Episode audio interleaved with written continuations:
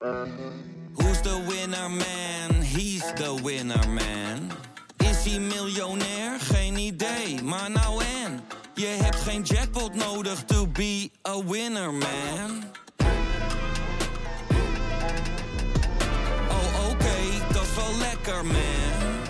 Dit programma wordt mede mogelijk gemaakt door Toto.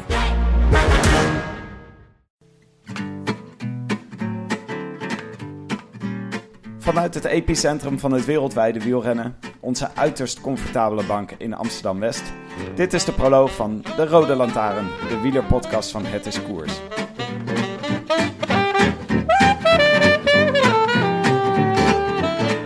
Het Nederlands kampioenschap wielrennen op de weg, Willem. Ja, Tim, op Goeree Overflakkee in Zuid-Holland en niet in Zeeland zoals jij wellicht denkt. Uh, en daarom Dylan Groenewegen voor het eerst uh, sinds tijden weer succes, sinds zes jaar weer succes voor, uh, voor Lotto Jumbo.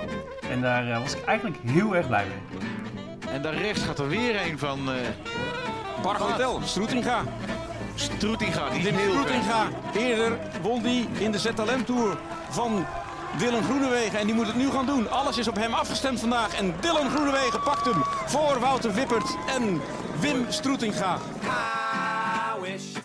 Could be in the south of France.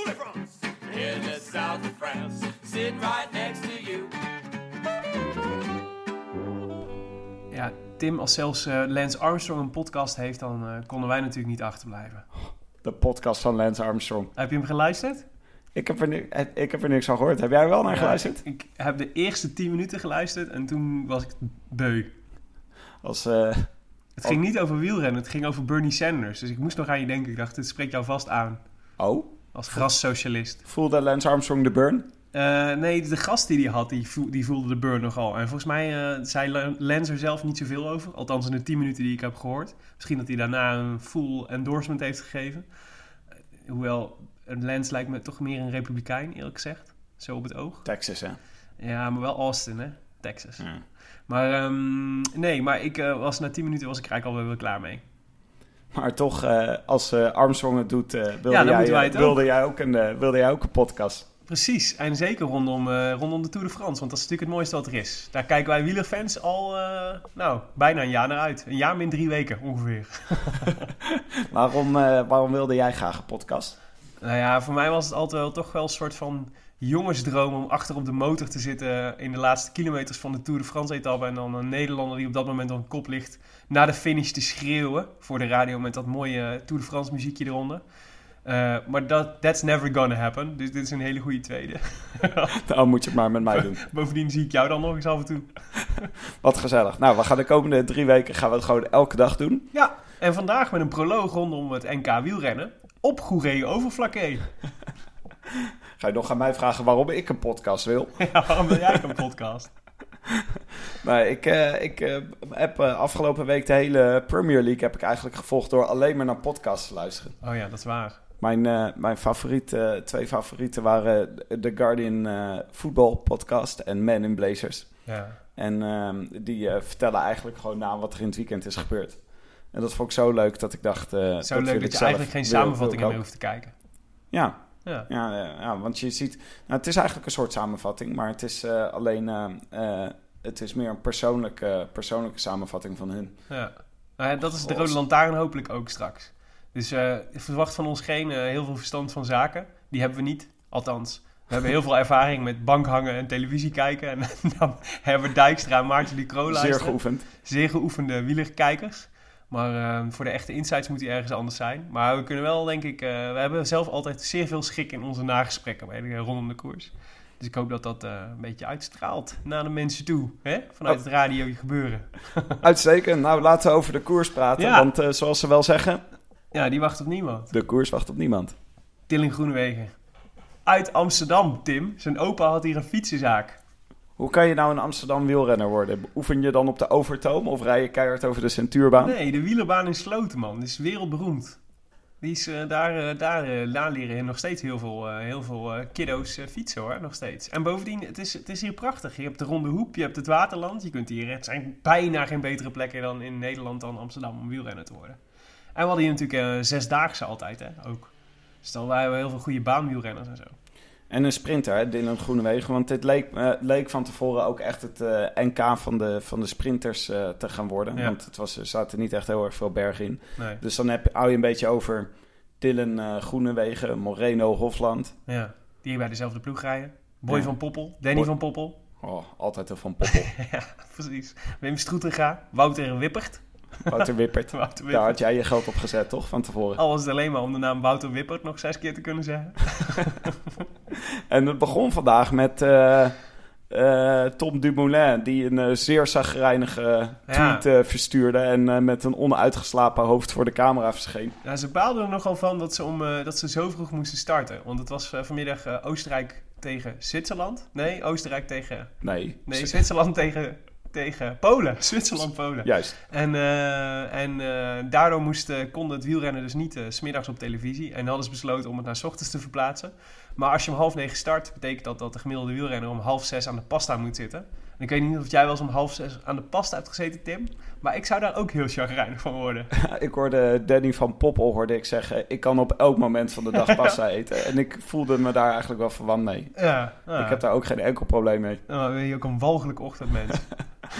Maar het is wel een beetje een... eh, van tevoren vond ik het wel een beetje een laf excuus voor een Nederlands kampioenschap. Want als het gewoon Ja. zo 's ochtends is op zo'n eh, op zo'n vlak, eh, vlak ingekort parcours... waar Ja. allerlei belangrijke Nederlandse renners niet aan meedoen... is het toch niet echt een eh, Nederlands kampioenschap zoals het zou kunnen zijn. Maar de Nederlands kampioenschap is toch altijd een soort van veredelde kermiskoers. En eh, dat was nu wel echt extreem, vond ik hoor. Dus het was wel echt... eh, het was eigenlijk gewoon een beetje saai, om naar te kijken. Er, waren wel heel veel, er gebeurde heel veel in de koers. Telkens ontsnappingen. En, maar niemand kwam echt weg. Dus je voelde eigenlijk aan alles wel dat het gewoon een massasprint ging worden. En, eh, en eh, ja, Dylan Groenewegen was eigenlijk de grote favoriete. Des te knapper wel dat hij het gewoon waarmaakt. Want dat heeft Lotto Jumbo echt al, eh, al zeven jaar niet meer gedaan. Ja, de want- laatste keer dat ze, dat ze wonnen was, had, ik, oh, had ik even opgezocht. Althans, had ik onze redactiestagiair laten opzoeken. in 2009. Koos Moerhout in Landgraaf. Daarna hebben ze alleen maar verloren. Dus eh, eh, dat is eigenlijk een van de dingen die het NK nog wel een beetje leuk maakt. Het gevecht tegen Lotto Jumbo. Met z'n allen tegen Lotto Jumbo. Ja, maar ik vond toch voor het eerst dat ik dacht... Ik vind Lotto Jumbo eigenlijk echt weer een hele sympathieke ploeg geworden. Tot de afgelopen jaren was ik steeds, dacht ik bij die NK steeds... Wat mij betreft, ik hoop ook echt dat ze verliezen. En dan heb je van die, van die lone wolves als Nicky Terpstra... die dan ook nog zeg maar super sympathiek zijn. Dus die dan, waarvan je hoopt dat ze winnen. Maar toen, hadden, toen had Rabobank ook wel echt nog zo'n poenerig imago, weet je wel? Een hele dure ploeg die eigenlijk heel constant onderpresteerde. En nu hebben ze weer eigenlijk volgens mij een soort van middelmatig budget... als je kijkt naar de rest van de profploegen. En dat maakt ze ook echt een stuk sympathieker. Dus ik was eigenlijk heel blij dat ze dit keer gewoon wel wonnen. Ik gun het ze echt heel erg. Nou, het was natuurlijk, jarenlang was het soort, was eh, de Rabo-ploeg het soort Real Madrid van het, eh, van het peloton. Ja, En dan, dan wil je graag de gigant wil je zien vallen. precies. Maar nu is Weg het toch ook Goliath. een beetje een eh, weg met Goliath. En, maar nu, eh, nu heeft Rabo toch eigenlijk, of eh, de Lotto Jumbo ploeg, toch niet echt een hele sterke ploeg als ze zo eh, aan de start verschijnen. Ik bedoel, was, Robert Geesing deed niet mee. Wilco Kelderman deed niet mee. Steven Kruiswijk deed niet mee. Maar ze kwamen met een soort sprintersploeg, zoals, zoals Ja. Giant eigenlijk ook een sprintersploeg is. Ja. ja, Giant niet echt meer. Hè? Die hebben wel echt gekozen om Kittel te, ver- te verkopen... En, en, en toch meer in te zetten op het algemeen klassement natuurlijk. Met Dumoulin. Dumoulin. Dumoulin en Warren Barguil, Warren Barguil. precies. zoals je dat, op ze, zoals Nee, maar met een Frans accent uitspreekt. Ja, precies, als je dat zegt. Ja, precies. Nee, maar die sprinttrein van Groenewegen is wel interessant. Want daar, daar gaan ze volgens mij in de Tour de France... waar, wij, waar onze focus toch ook op ligt eh, deze dagen... eh, wel stevig op inzetten. Dus ze verwachten nogal wat van die Groenewegen. Eh, en eh, ja, dat, is toch, dat lijkt me in de Tour de France toch echt lastig hoor. Als er echt de grote kleppers mee gaan doen of wat hij het dan redt, dat weet ik niet. Ja. Maar ehm, ja, die sprinttrein die schijnt toch eh, goed te lopen al van Lotto Jumbo. Dus daar ben ik wel heel benieuwd naar. Nou, ik moet nog wel even een beetje aan de situatie wennen dat, eh, dat eh, de Lotto Jumbo ploeg niet meedoet om het algemeen klassement, maar eh, gaat voor een etappezege al van tevoren. Ja. Meestal was het nadat in de zevende rit de kopman bij een valpartij betrokken was en uitgevallen was, dat ze zeiden we gaan voor de etappezege. Ja, de kopman being Robert Geesink. Of Dennis Menchoff. En nu voor Peter Lutenberger. was Levi Leipheimer. Ja, dat waren echt de kopmannen. Maar nu gaan ze dus vanaf het begin af aan gewoon voor de etappezege met Kelderman, denk ik. En met, Ja, Lindeman zal wel voor zijn eigen succes mogen gaan. Ja. Ja, Kelderman, dat is een beetje de vraag natuurlijk. Als hij er na een paar dagen goed voor staat, dan gaan ze toch wel, denk ik, voor, zullen ze toch wel voor het algemeen klassement gaan. Maar verder is het inderdaad, eh, de, de sprinttrein van, eh, van, eh, van Groenewegen, daar is wel een beetje de ploer om gebouwd.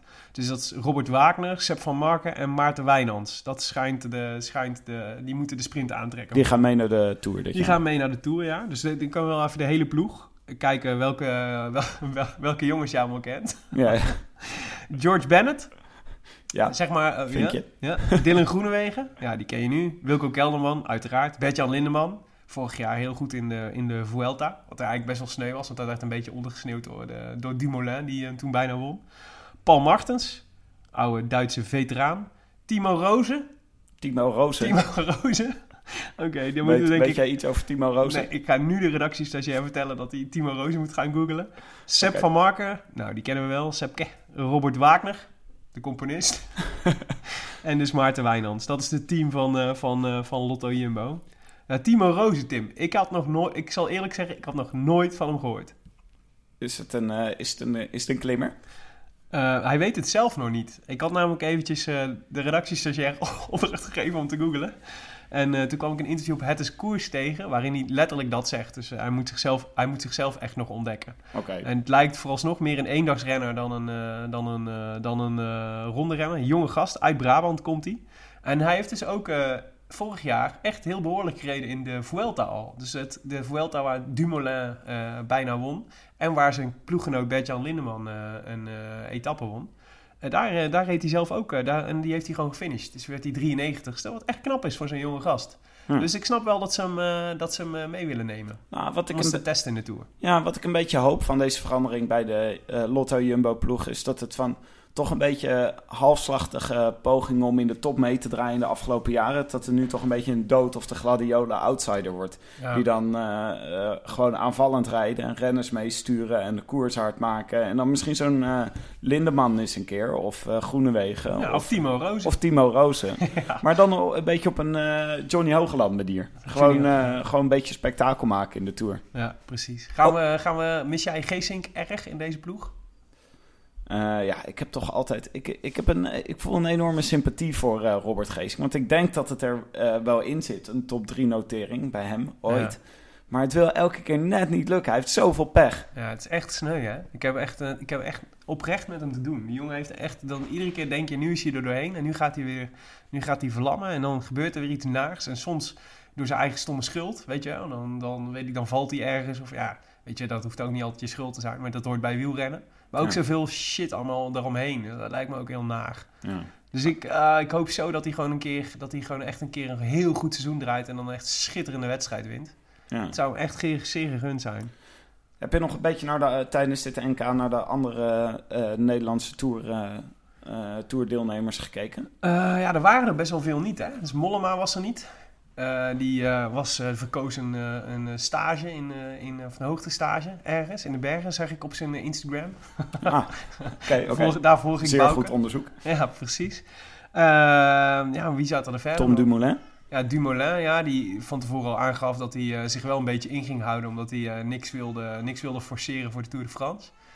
Um, wat ik wel snap, want dat is, nou ja, zo belangrijk is het NK dan toch ook weer niet. Ah, het leek voor Tom Dumoulin gewoon heel belangrijk dat, er geen, uh, dat hij niet in een valpartij terecht kwam. Dus Ja. hij wilde het liefst ook gewoon dat de kopgroepje het zou gaan uitmaken. Ja. Daarom zag hem ook uh, nog boos uh, schreeuwen terwijl hij zelf in een kopgroepje zat en mensen niet meededen.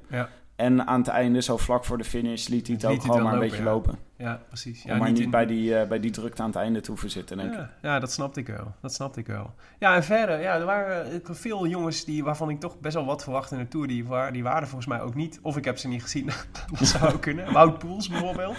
Ja. was- volgens mij was hij er niet gewoon, toch? Wout Poels, dat is wel... eh, in- Heb jij hem gezien? Ik Nee, nee, hij deed volgens mij niet mee. Ik denk dat hij zo...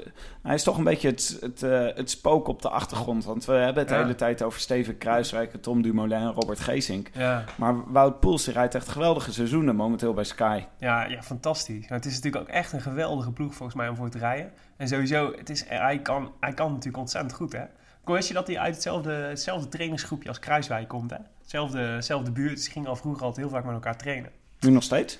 Ja, volgens mij wel, ja. Ik zie altijd Paul Smulders, die, eh, die eh, wethouder eh, uit, uit, van Helmond. Die, die kent ze allemaal. Die, kent, die, rijdt, die rijdt heel vaak trainingsrondjes met al die jongens. Heel leuk. Ah. Grappig is dat. Maar ik dacht Allemaal dat Brabanders. ik dacht- Net als Timo Roos trouwens. Die komt ook uit die buurt. Uit Goorlen. Oké, dus dat is veelbelovend, wil je maar zeggen. Naast Amsterdam, naast Amsterdam is er nog een schitterende regio om wielrenner te zijn. Dat is Brabant, Tim. Maar eh, Wout Poels, die, heeft, eh, die, die zit in, die, eh, die zit in een geweldige ploeg... die natuurlijk wel helemaal gericht is op, op Christopher Froome. Ja. Dus het, wordt wel, het wordt vooral een beetje hopen dat, dat Wout Poels een meesterknecht wordt... en tot, tot lang mee blijft gaan. Ja, ik hoop toch... Ja, dat is natuurlijk, het is natuurlijk echt een fantastische knecht. Maar je hoopt toch wel echt dat Poels een keer gewoon... over, weet ik veel, misschien nog een jaartje knechten voor Froome of zo. En dan gewoon naar een, eh, naar een, eh, naar een andere ploeg en daar kopman worden. En kijken hoe ver je daarmee komt. Het is wel, Ik weet niet of dat het het type voor is om echt zeg maar, de, de asociale klootzak van een kopman te zijn... die eh, een hele ploeg opeist om de Tour de France te kunnen rijden. Maar hij is wel, je zou het wel zeggen, hij heeft wel het talent om gewoon om wedstrijden te beslissen ook. Dus dat Het is niet echt een tijdrijder. Nee, Dat is een beetje het probleem. volgens mij niet, nee. Maar ja, dat zou je dat niet gewoon kunnen leren? Maar dat, Als je gewoon hard kunt fietsen, dan moet je toch gewoon wel... En je traint er even, even echt goed op. nou, nou Dan moet je ik dat toch wel eh, kunnen? Richard Virank denken. denken. Vi- Virank. Nou, ik ben blij dat, dat we even aan Richard Viranke denken. Dat, dat alleen al. Waarom moet je aan Richard Viranke denken? Nou, omdat hij de tijdrijden niet kon leren. Hoe Oh. goed hij het ook probeerde. En op een gegeven moment was hij één grote vloeibare spons van de EPO. Maar Ja. eh, toen wilde het zelfs nog niet lukken. Ja, ik was Richard Viranke eigenlijk alweer een beetje vergeten. Ook wel bewust. bewust. Maar over toerdeelnemers tijdens dit EK gesproken. eh, een paar kilometer voor het einde kwam ineens eh, Lars Boom als een bul naar voren rijden. Om nog een, een enorme slinger aan het peloton te geven. En Ja, grappig, de? NOS-commentatoren die zeiden dat hij weg probeerde te rijden. Maar volgens jou eh, was er wat anders aan de hand. Ja, die, ja, nou ja, volgens mij, volgens mij heeft hij zelf aangegeven dat hij graag weg wil bij Astana en terug wil naar Nederland, naar Lotto Jumbo. Tenminste, dat ving ik op in de wandelgangen. Mhm. Misschien was die wel nos.nl. En toen, maar ik heb het ergens Maar- opgevangen. Ik weet alleen niet zo goed meer waar. Maar dit, de, dus eh, er werd gedaan, de NOS deed net eh, of dat hij in de aanval ging. Maar hij trok gewoon de sprint aan voor Dylan Groenewegen. het is gewoon Dus het feitelijk onderdeel van het treintje. Ja, feitelijk was hij gewoon de machinist van de trein van Groenewegen. Wat prima is natuurlijk. En hij was ook de eerste die hem, eh, die hem zo'n beetje feliciteerde met zijn overwinning. Dus ik vermoed dat we Lars Boom volgend jaar wel terug gaan zag er wel indrukwekkend uit, hè? Bij Lotto Jumbo. Wat die sprinttrein. Nou ja, of die... eh, die, die eh, Boom voorop. Ja, die eh eh, demarage van Boom, zeg maar. Of die Ja, maar hij kan, natuurlijk, tempoversnelling. hij kan natuurlijk echt zo teringhard fietsen, die Boom. Het is ook, weet je wel, als je, als je, volgens mij is dat altijd, als je Paris-Roubaix Paris-Roubaix voorop kan rijden, dan heb je een soort, een soort Ausdauer en een soort, en een soort, een soort, een soort echte snelheid om over die kasseien heen te gaan dan heel lang. Het lijkt voor het is echt een soort tank natuurlijk, die boom. Dus ik snap wel dat ze hem heel graag terug willen. En voorop, eh voorop het treintje van Groenewegen en eh, misschien Moreno Hofla- Hofland willen zetten. Maar ja, ja, voor mij mag hij terugkomen. Maar het is toch een...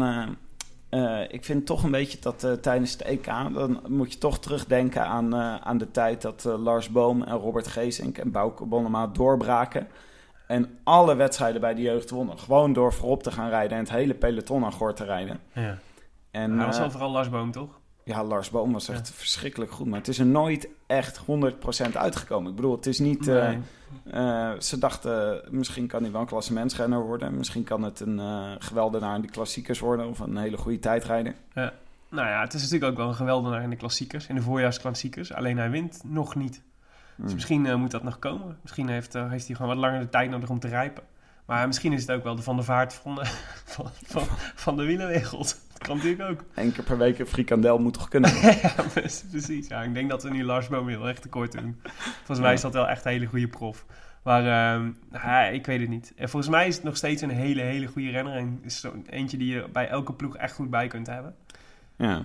Ja, Het was, eh, het was gek om te zien dat tijdens dit eh, EK, het was, oh, tijdens dit NK, het was een soort eh, frustratie eh, die er in de hele koers zat. Ik Ja. kan me goed voorstellen hoor, als je, als je enige vijand de wind is. Ik zou dan ook helemaal Nou ja. gek worden. en de vroegte. En de vroegte, dat ze allemaal vroeg op moeten. Misschien waren ze ook allemaal gewoon zagrijnig omdat ze kort geslapen hadden. Ja. Maar ik, de, de beelden die we zagen van eh, Johnny Hoogland bijvoorbeeld... die was gewoon de hele tijd aan het voeteren en mensen aan het, mensen aan het uitschelden in de koers. Ja, En op een gegeven moment lag hij daar tot aan de zijkant. tot hij op zijn bek ging. Ja, heb jij gezien wat er gebeurde? Ja, volgens mij, nou niet precies. Ik zag het niet, maar volgens mij was het dat hij. eh, volgens mij deed hij het zelf. Reed hij volgens mij tegen een achterwiel van iemand anders aan. En schoof hij onderuit. Maar ja, als je dan op dat moment, eh, weet ik veel, wat rijden ze dan in zo'n peloton op volle, vol vermogen? 60 per uur of zo. Als je dan over zo'n zo'n asfalt, asfaltweggetje schraapt, dan, ja, dan ligt je lijf wel open. Dus dat had hij. Dus volgens- ik weet niet of hij nog opgestapt is. Het zou me, zou me betwijfelen, eerlijk gezegd. Ja, Johnny, eh, ja, ik had, hem, ik had hem meer gegund op zijn, eh, ik wou bijna zeggen in zijn, in zijn thuiswedstrijd. Maar Johnny komt uit Zeeland en Goeree Overflakke Zuid-Holland. Zuid-Holland, hè? Precies. En- Wist je dat er trouwens heel veel politici, beroemde politici van Goeree Overflakke komen, Tim? Oh ja, de NOS-verslaggevers die hadden, hadden wel weer een vooronderzoek op Wikipedia gedaan. En waren erachter gekomen dat Ab Klink uit Goeree Overflakkee komt. Ab Klink, Ilko Brinkman, beroemde politici. Twan van Peperstraat. ja, precies. Niet per se een politicus, maar toch. Nee. Ja, nee, dat, was, dat hadden ze goed gedaan. Ze hadden zich keurig de redacties, als jij van de NOS, eh, je mag een pluimpje. En uitstekende research was het. waren er tot slot eh, over dit eh, NK nog renners die we eigenlijk niet kenden... die ineens een prominente rol speelden? Eh Stroetinga, Wim Stroetinga. Ja, ik, eh, ik, had hem wel eens, ik had wel eens van hem gehoord. Maar ik wist niet dat hij ook op de weg eh, goed, goed Boos aan het einde. Ja, hij Jongen, hij was ja. echt... hij kwam over wel- de finish nog helemaal vol met adrenaline in zijn lichaam. En Ja. ogen die vuur spuwden. En hij rende op zijn team, teamgenoten af en begon hem uit te schelden. was misschien wel het mooiste beeld van de, van de koers, inderdaad. Dat hij daar zo op dat, op dat, op dat, eh, dat steentje zat en, zat te- en pissig zat te zijn op alles en iedereen. Ja. En niet eens op, nou, ja, hij had niet eens onterecht. Hij had gewoon gelijk. Zijn, zijn ploegmaat die, die, trok, eh, die trok veel te hard door. En zonder hem in zijn wiel. En die sloot hem gewoon in. Dus ja, dat was niet, eh was niet Maar is het niet zijn eigen fout dat hij niet in het wiel van zijn ploeggenoot eh, bleef? Ja, dat weet ik niet. Dat weet ik niet. Ja, volgens mij, hij reed er wel, het zo, zoals ik het zo vanaf, vanaf, vanaf de bank kon, kon zien, had hij, gewoon, had hij wel gelijk. Want hij, doordat die, zijn ploeggenoot die actie maakte en door bleef gaan, en op zeg maar, de, dus, dus gewoon, eh, hij zag dat de Stroetega niet in zijn wiel zat en hij bleef toch doortrekken. Daardoor Mhm. sloot hij zijn eigen ploeggenoot in. Dus, en daarmee vergooide hij wel zijn winstkansen. Dus ik snap wel dat dat echt heel, heel frustrerend is. Ik weet Ja. niet of dat hij hem geklopt had hoor. Hij, hij zei dat achteraf dat hij zichzelf de sterkste vond. Ja. Maar ik vond de, de snit die er bij Groenewegen nog op zat, was wel echt heel sterk. Ja, die, die versnelde Maar ook goed, nog. Stroetega, misschien volgend jaar. Er was nog een, er was nog een mooi moment eh, vlak daarvoor toen eh, Van Poppel en Van der Poel ineens met z'n tweeën aan kop Ja. reden. Ja, echt van der Poel, ja. Ja, maar dat, is, dat vind ik ook wel het leuke van, het- van zo'n NK. Dat er in één keer allemaal dat soort namen opduiken. Dus ik zag dat Thijs Zonneveld ergens onderuit ging. Toch een van de hoogtepunten van dit NK. Dat was een mooi, mooi momentje, was dat, ja. En, eh, en die lag dus naast een man van 49, die, eh, die eh, ook al zo lang, zo lang prof was. Dat vond ik ook wel wat. En, en gisteren bij de dameskoers lag Irene Wust op kop. Niet. Ja, ja, die heb jij misschien niet gezien, die dameskoers. Maar die kijk ik ook dus vanaf de bank in het epicentrum van het Nederlandse wielrennen. En ja, Irene Wust, ja, die was in, in voorbereiding natuurlijk op het schaatsseizoen. En schaatsers en wielrenners, die, eh, die hebben veel met elkaar gemeen. In ieder geval de spieren die zij trainen om, om hun sporten te kunnen beoefenen. En die was in één keer aan het stoempen voor op het, eh, vooraan het peloton. En dat zag er echt indrukwekkend uit. Maar een, eh een tempobul neem ik aan. Of is het Ja. een frivole klimmer? Nee, ze merkte wel de indruk dat het echt een tempobeeldje was, ja. ja. Maar, ze ging op die Brouwersdam ging ze, ging ze even, trok ze even vol door. maar stel je voor dat je even dat je, dat je een, een, een paar jaar uit bent geweest en je denkt ik ga weer eens naar het NK wielrennen kijken en je ziet Van der Poel en eh, Van Poppel Ja, eh, voorop rijden terwijl eh, Clinton op het punt staat om president te worden, dan denk je nou ik weet niet of, of Ja. de wereld enige vooruitgang heeft. we zijn, weer, ja. we zijn weer in het begin van de jaren negentig. Mooie tijd was dat. Tim, we moeten, we, dit, we moeten naar, naar, de, naar de Tour de France, denk ik, toe. Want even even focus op de, over de, op de eerste etappe. Want dat wordt onze eerste uitzending. En dat wordt een etappe die geen proloog is. Dat verbaasde mij. Had Nee. heb jij wel eens... nee, ik, ik, ik dacht was altijd in de veronderstelling dat het Tour altijd met een proloog begon. Maar dat blijkt dus niet zo te zijn. Ze willen een beetje variëren, denk ik. Nou, dat snap ik ook dan wel, wel, weer wel. Maar misschien is de, de Tour de France organisatie probeert natuurlijk verschillende dingen uit. En ik kan me voorstellen dat een van de dingen die ze het liefst zouden willen voorkomen is dat er veel favorieten uitvallen in de eerste week. Die, eh, Ja. die veel kijkers trekken en belangrijk zijn voor de koers. Ja. En nu is de eerste etappe is gewoon vlak met een eh, waarschijnlijk een massasprint aan het Ja. einde. Ja. En de tweede etappe is ook nog redelijk vlak, maar met een steile beklimming aan het einde. Zeg maar een soort eh, muur van hoei of Ja. een, eh, een punch. Ja. Dus dan kunnen er al gelijk verschillen worden gemaakt. Eh, wat betekent dat eh, de sprintploegen waarschijnlijk na de tweede etappe niet meer voor de gele trui zullen strijden. En dat een hoop drukte zal schelen en misschien minder Ja. valpartijen. Ja, maar de inzet voor etappe 1 wordt wel, eh, wordt wel echt extreem hoog. Want het gaat dus gewoon Ja. met, met heel veel goede sprinters om de ritwinst en de gele trui meteen. Dus waarschijnlijk met 8000 eh, opgeladen Ja. boze sprinters. Precies. Wa- Wim Stroetengaas door de bocht ja, die allemaal door, door de bochten Stroeting gaan. Ja, nee, precies. Ja, en, eh, maar het is dus eh, die eerste etappe. Misschien moeten we hem even heel kort bespreken.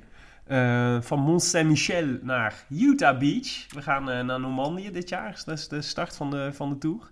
En wat je al zei, ja, het is echt volgens mij gemaakt voor de sprinters. Er staat erbij dat het een zie ik in, de tour, in het tourboek, licht glooiend terrein. Maar niet zo glooiend dat de sprinters zich echt zorgen moeten maken. Mm. Eh, en dus dachten wij, hè, wij van eh, de Rode Lantaarn, dachten we, laten we kijken of, we of we de winnaar kunnen voorspellen.